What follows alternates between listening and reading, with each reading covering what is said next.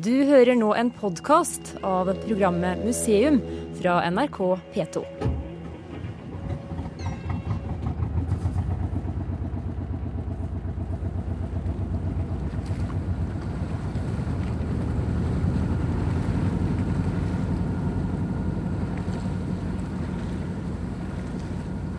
I dag skal museum på snekketur. Med en 32 fots trebåt, en motorseiler med en god gammel Saab 2G på et par og 20 hestekrefter. Vi tar det med ro i 7-8 knop utover Glommas vestre løp i Fredrikstad.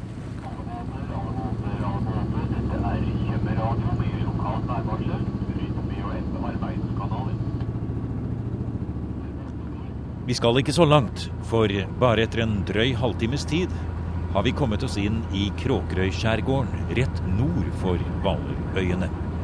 I sommermånedene er det fullt av fritidsbåter og liv på hyttene inne på fastlandet. Men nå er det høststille, og ikke en båt på den flotte granittbrygga på Store Råholmen, der vi får tøye. Hvor langt går eh, skinnene bortover? Og den, den skinnegangen fortsetter jo bortover her. Det er penser, ja. Det er det. Vet du hva for um, trekkraft de hadde her? De brukte kanskje helt. Ja, dette her er trikkeskinner. Er det trikkeskinner? Ja, de her er trikkeskinner. Du kan se det, ja. Ja, du ser at de er basert på å ligge oppe på en, på en veistruktur. Den øya vi har kommet til i Østfolds granittskjærgård, er ikke mer enn et par hundre meter lang og kanskje halvparten så bred. Men likevel er det altså trikkeskinner og en liten trasé i terrenget, hvor det fortsatt står to små jernbanevogner. Og rundt oss er det også en mengde andre spor etter den virksomheten som foregikk her fra 1930-tallet og gjennom krigen til inn på 1950-tallet. Det er industriruinen etter steinbruddet på Store Råholmen vi har kommet for å se. Så når du kommer forbi i båt, så er det ikke nødvendig så i øyenfall, bortsett at du kan se en del stein som er sprengt ut her. Men når du begynner å se de små detaljene i landskapet, sporene etter eh, det arbeidet, det håndverket som ble utført her, så begynner stedet å leve. Da forteller det en historie om eh, arbeidsliv og næringsliv i området her. Seniorrådgiver Gustav Rostnes og flere av hans kollegaer fra Riksantikvarens avdeling for fartøy og teknisk-industrielle kulturminner er på befaring på Store Råholmen. Og nå i første omgang går vi rundt og forsøker å få et overblikk over anlegget i steinbruddet. Eh, vi skal gå litt innover i landskapet her. Du sier at det er ett sted her inne i Syrje som jeg Det var det beste stedet. Oppe i hjørnet der så kan en se det ligger langstrakte blokker, og der kan en se hvordan en arbeidet direkte med de store emnene som var sprengt ut, med å dele de opp i eh, mindre, mindre emner ved hjelp av eh, mindre småboringer, og ikke minst det at eh, de kunne lytte til steinen for å finne akkurat det punktet der de skulle sette slegga for at steinen delte seg. Dette stein, ja. La oss gå litt oppover til det stedet. Vi går nå på store skal vi si, vrakstensbiter som har blitt til overs. Vi ser en stor fjellvegg reiser seg opp der borte. Vi klatrer inn. Her ligger det en jernvaier over, som er rester etter der krana sto. Vi må klatre litt opp her.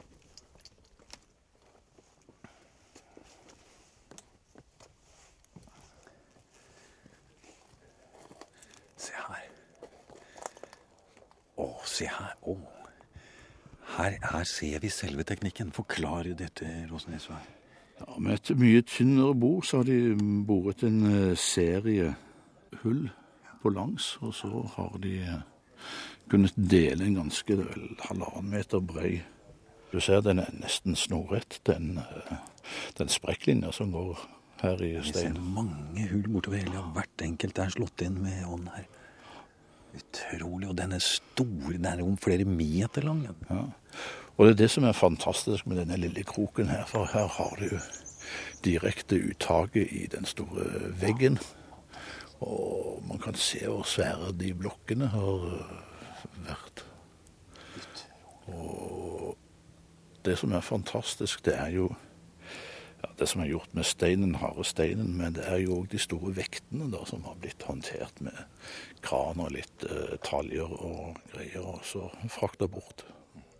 Og den kunnskapen, som du sier, det å lytte til steinen, den type eh, håndverksbåren kunnskap? Ja, det er liksom ikke noe man kan lese seg til eller eh, ta eksamen i. Det er noe man oppøver gjennom uh, deltakelse. Det var jo, De hadde jo sånn svennetid, læretider. Liksom, de starta jo et sted med å sikkert hjelpe til med forskjellige småting, og så vokste de langsomt inn i arbeidstradisjonen og kunnskapen. Og når vi står her og ser denne granittveggen som reiser seg opp, vi ser borehullene går ned, den store blokka har falt ut, vi ser hvordan bearbeidingen har foregått videre. Jeg kan nesten ikke forstå hvordan de rett og slett greite det, altså. Nei, det er det som er fantastisk. Det var jo en enorm eh, kunnskap som var bygd opp i Norge, ikke bare her i steinindustrien, men helt tatt i anleggsvirksomheten, med raller som gjøv eh, løs på svære berg. Det gjelder både når det gjaldt anlegg av veier, anlegg av tunneler og kraftstasjoner rundt århundreskiftet framover. Og det, det, det var en, eh, en enorm praktisk innsikt i å løfte, flytte store, tunge gjenstander. Eh, på Svalbard, eh, når de skulle åpne gruver der, midt oppi polartraktene, så bygde man om en, en svær gruveby og behandla. Lokomotiver fikk de land fra båter og på land så opp i fjellsiden. Så den, den kunnskapen de hadde ved å liksom, bruke ulike teknikker, utnytte tyngdekraft og ha disse her taljene sine og slisker og det ene med det andre, det, det er en eh, enorm praktisk uh, kyndighet de hadde som uh, er eh, ukjent i vår tid, der vi liksom har eh, moderne, store maskiner som gjør det. Nå snakker du, Råsnes, om en lang periode i eh, norsk historie, i norsk industri, med stor respekt for håndverkstradisjoner, for innsikt, for måten å utnytte råvarer, ressurser på. Men den respekten og den fascinasjonen, gjenspeiler den seg i nær sagt hvordan Norge som nasjon tar vare på industriens eh, minnene etter den type industri? Nei, det er et lid, relativt lite utvikla felt. Det var ikke før i, først i 1990 at uh, en for alvor kasta øynene sine på industrikulturen.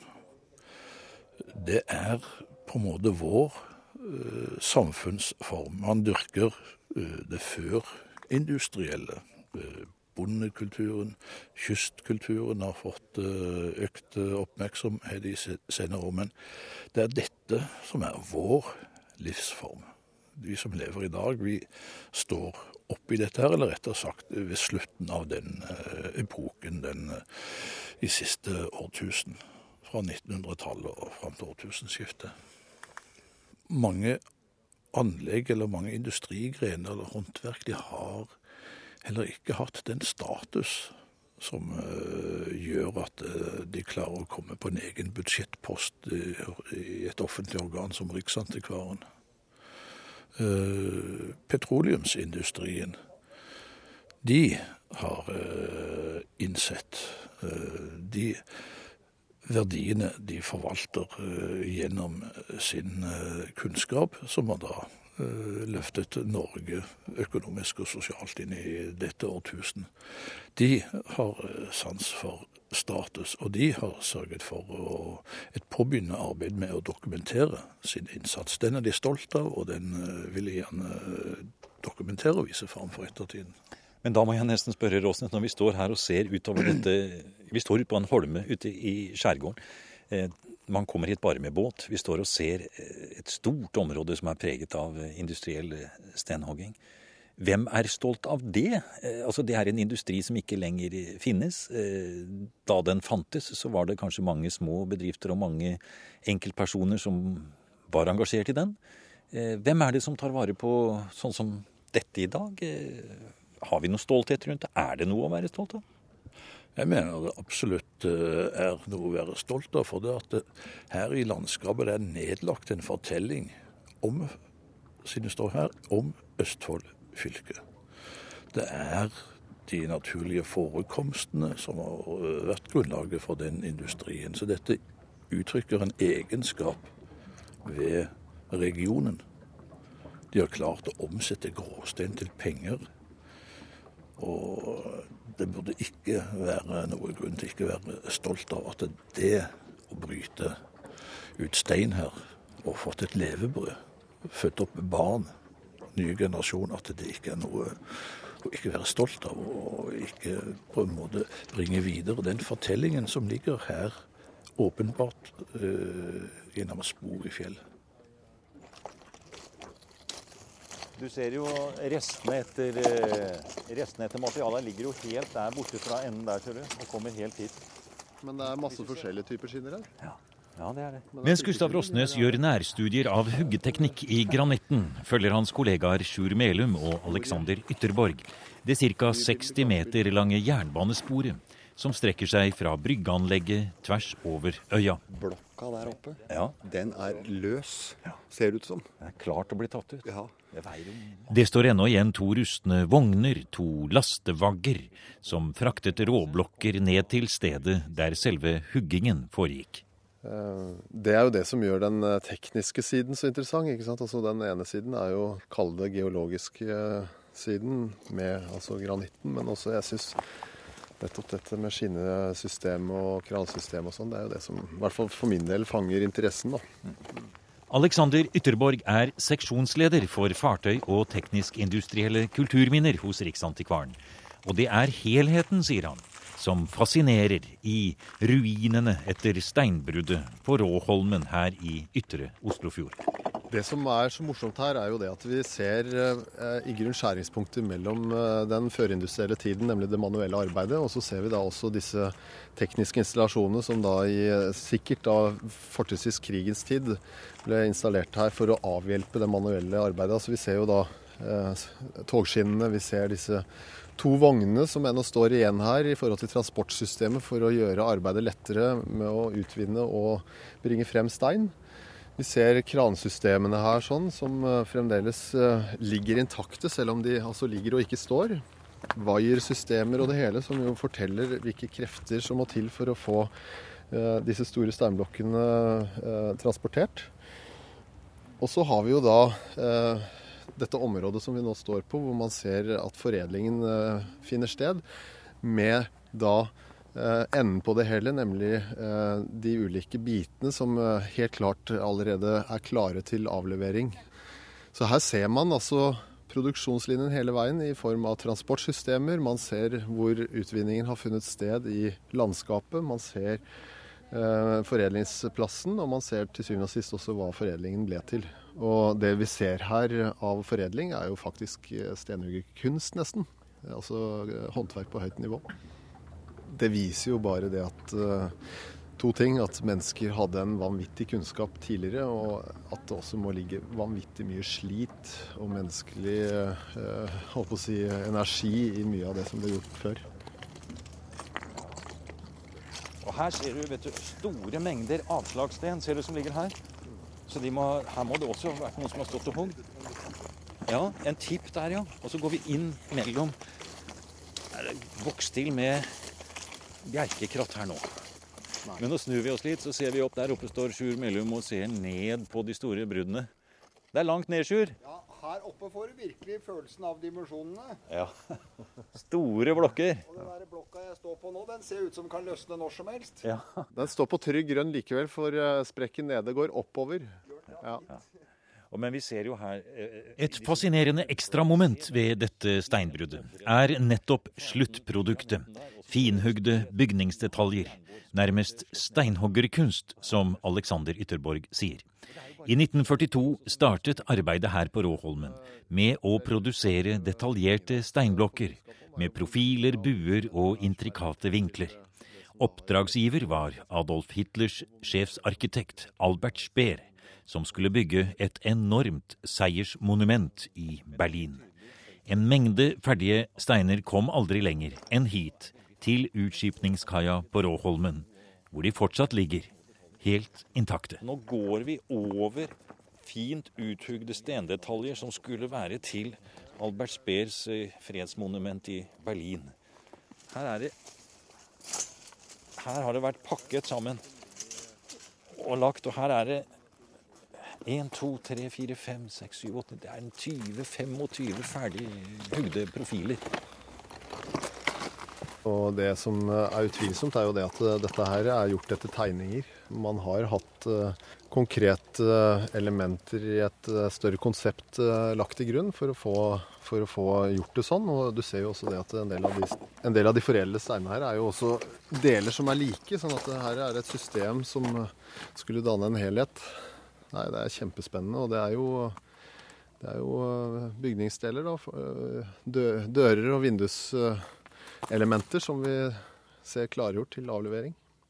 Dette vi ser her, som jo ligger en ja, i hvert fall en som fort vekk 10-15 stykker her. Disse her vil jeg tippe er altså vindusbrett.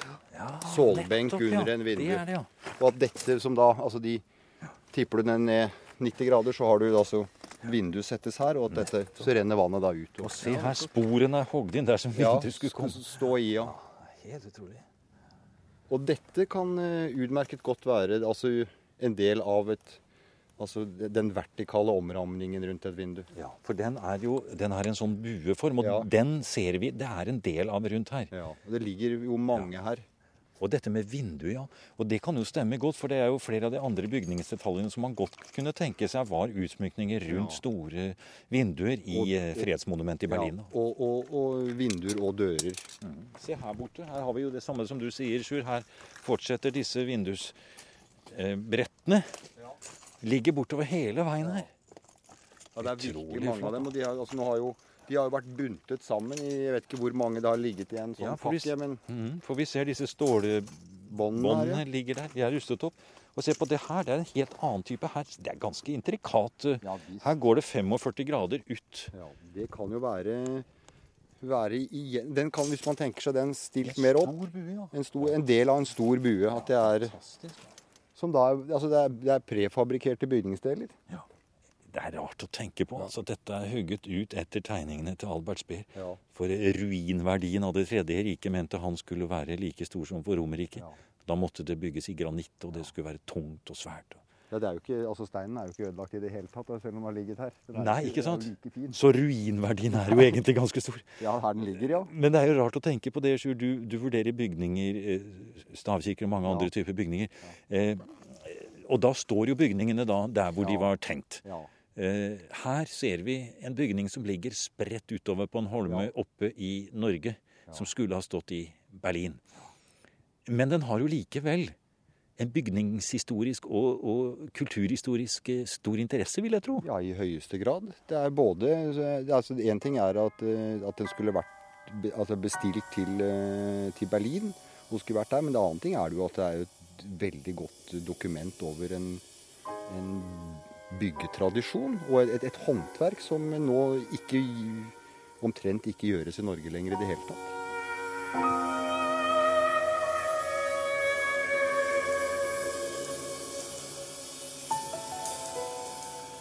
Altså, Albert Speer eh, la opp til at det skulle bygges en kjempetriumfbue midt i Berlin, som skulle markere seieren i annen verdenskrig. Og denne triumfbuen skulle selvfølgelig være mye større enn triumfbuen i Paris. Og den skulle stå midt på den nye nord-sør-aksen i, i, Berlin som Albert Speer, Albert Speer ville konstruere. Seniorrådgiver Sverre Jervel i Utenriksdepartementet har tidligere vært ministerråd ved den norske ambassaden i Berlin. Og han kjenner godt historien om de storslåtte planene om seiersmonumentet. Her forteller Jervel i et intervju med NRK-kollega Jan Henrik Ilebekk om det gigantiske bygget som aldri ble reist. Eh, tallene var 120 eh, meter høy, 170 meter bred. Så det var jo en ekstremt stor bygning. Og På den så var tanken å hamre inn navnene på én million tyskere som hadde falt i kriger. Og da først ikke første verdenskrig, men også annen verdenskrig. Så dette var et gigantisk prosjekt, og i Berlin så kan vi enda se på hvordan dette prosjektet er påbegynt i Dodenstrasse i Berlin. Det som er viktig for oss, er at her skulle man altså da bruke nordisk granitt. Og det var stort sett stein fra Østfold, men også en del stein fra Agderfylkene. Så mye av den steinen finner vi enda i området rundt uh, Iddefjorden. Vi finner en del i Hvaler-Kråkerøy-området. Og det er stein som egentlig stadig ligger på å bli transportert til Berlin. Nå vet vi at uh, den kom ikke til Berlin. Og mye av dette ble jo da overlatt til Direktoratet for fiendtlig eiendom etter krigen, men ble jo i praksis da stjålet. Så vi fant da et hus på Kråkerøy som er bygget av stein som skulle til Hitlers triumfbue. Uh, vi fant også en god del brygger på Hvaler, hvor man fant da rød granitt, som helt åpenbart kommer fra Sørlandskysten, sørlandskysten, Agderfylkene, og som er sendt for å hugges videre i, på Kråkerøy. Akkurat. Og som da noen har stjålet etter krigen. Kom noe granitt fra Østfold til Berlin i det hele tatt? Altså Antagelig kom det ikke til Berlin. Eh, det ble lagret i Østfold, eh, altså på Kråkerøy og Viddefjorden hadde vi et stort lager. Eh, det eneste vi vet, er at i Berlin så lå det en stor, tung blokk med Østfoldgranitt og en Agdergranitt i Tiergarten i Berlin sentrum, like ved der hvor Albert Speer hadde sitt kontor. Og Det var antagelig to steinprøver som de hadde fått transportert til Berlin. Eh, dessverre er de forsvunnet nå, men det hadde jo vært et fint minne om det som var da Norges største eksportordre før vi fikk de store oljeavtalene i 1980-årene. Vi vet at den var godt organisert. Albert Speer kom altså til Oslo allerede i juni 1940 for å se på hvordan man skulle organisere produksjonen. Og I Berlin har vi funnet eh, arkivmateriale som viser at det har vært steinhuggere fra Fredrikstad på kurs i Berlin, hvor de bl.a. er instruert i profilene som skal til for å bygge, bygge dette, den store triumfen.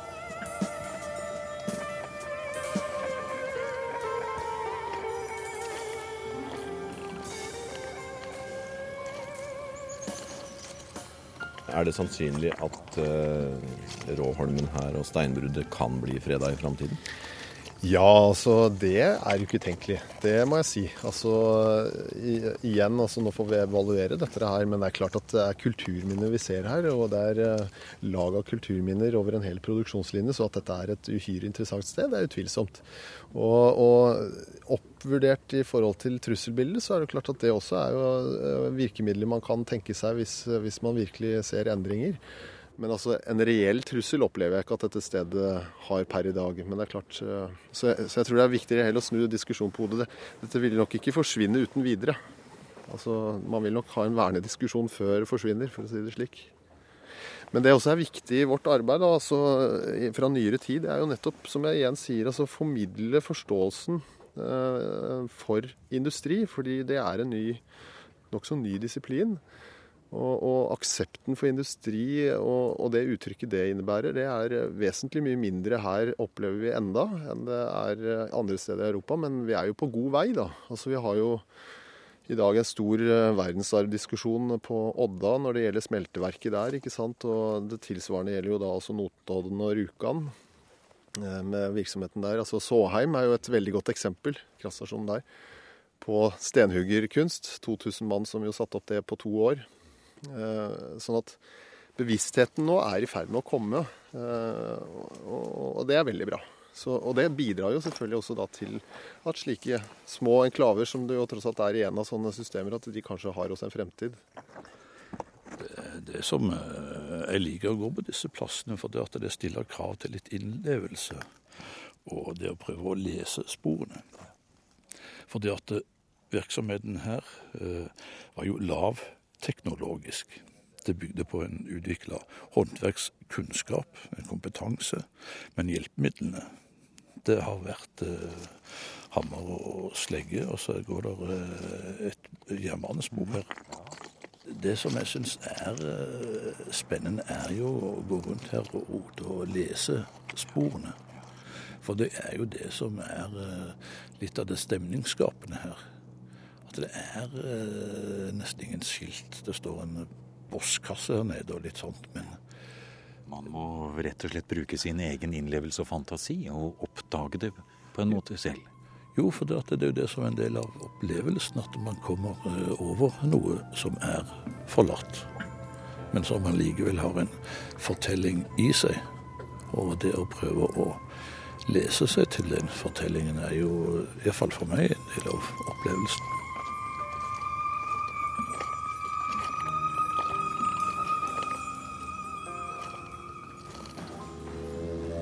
Du har nå hørt en podkast av programmet Museum fra NRK P2.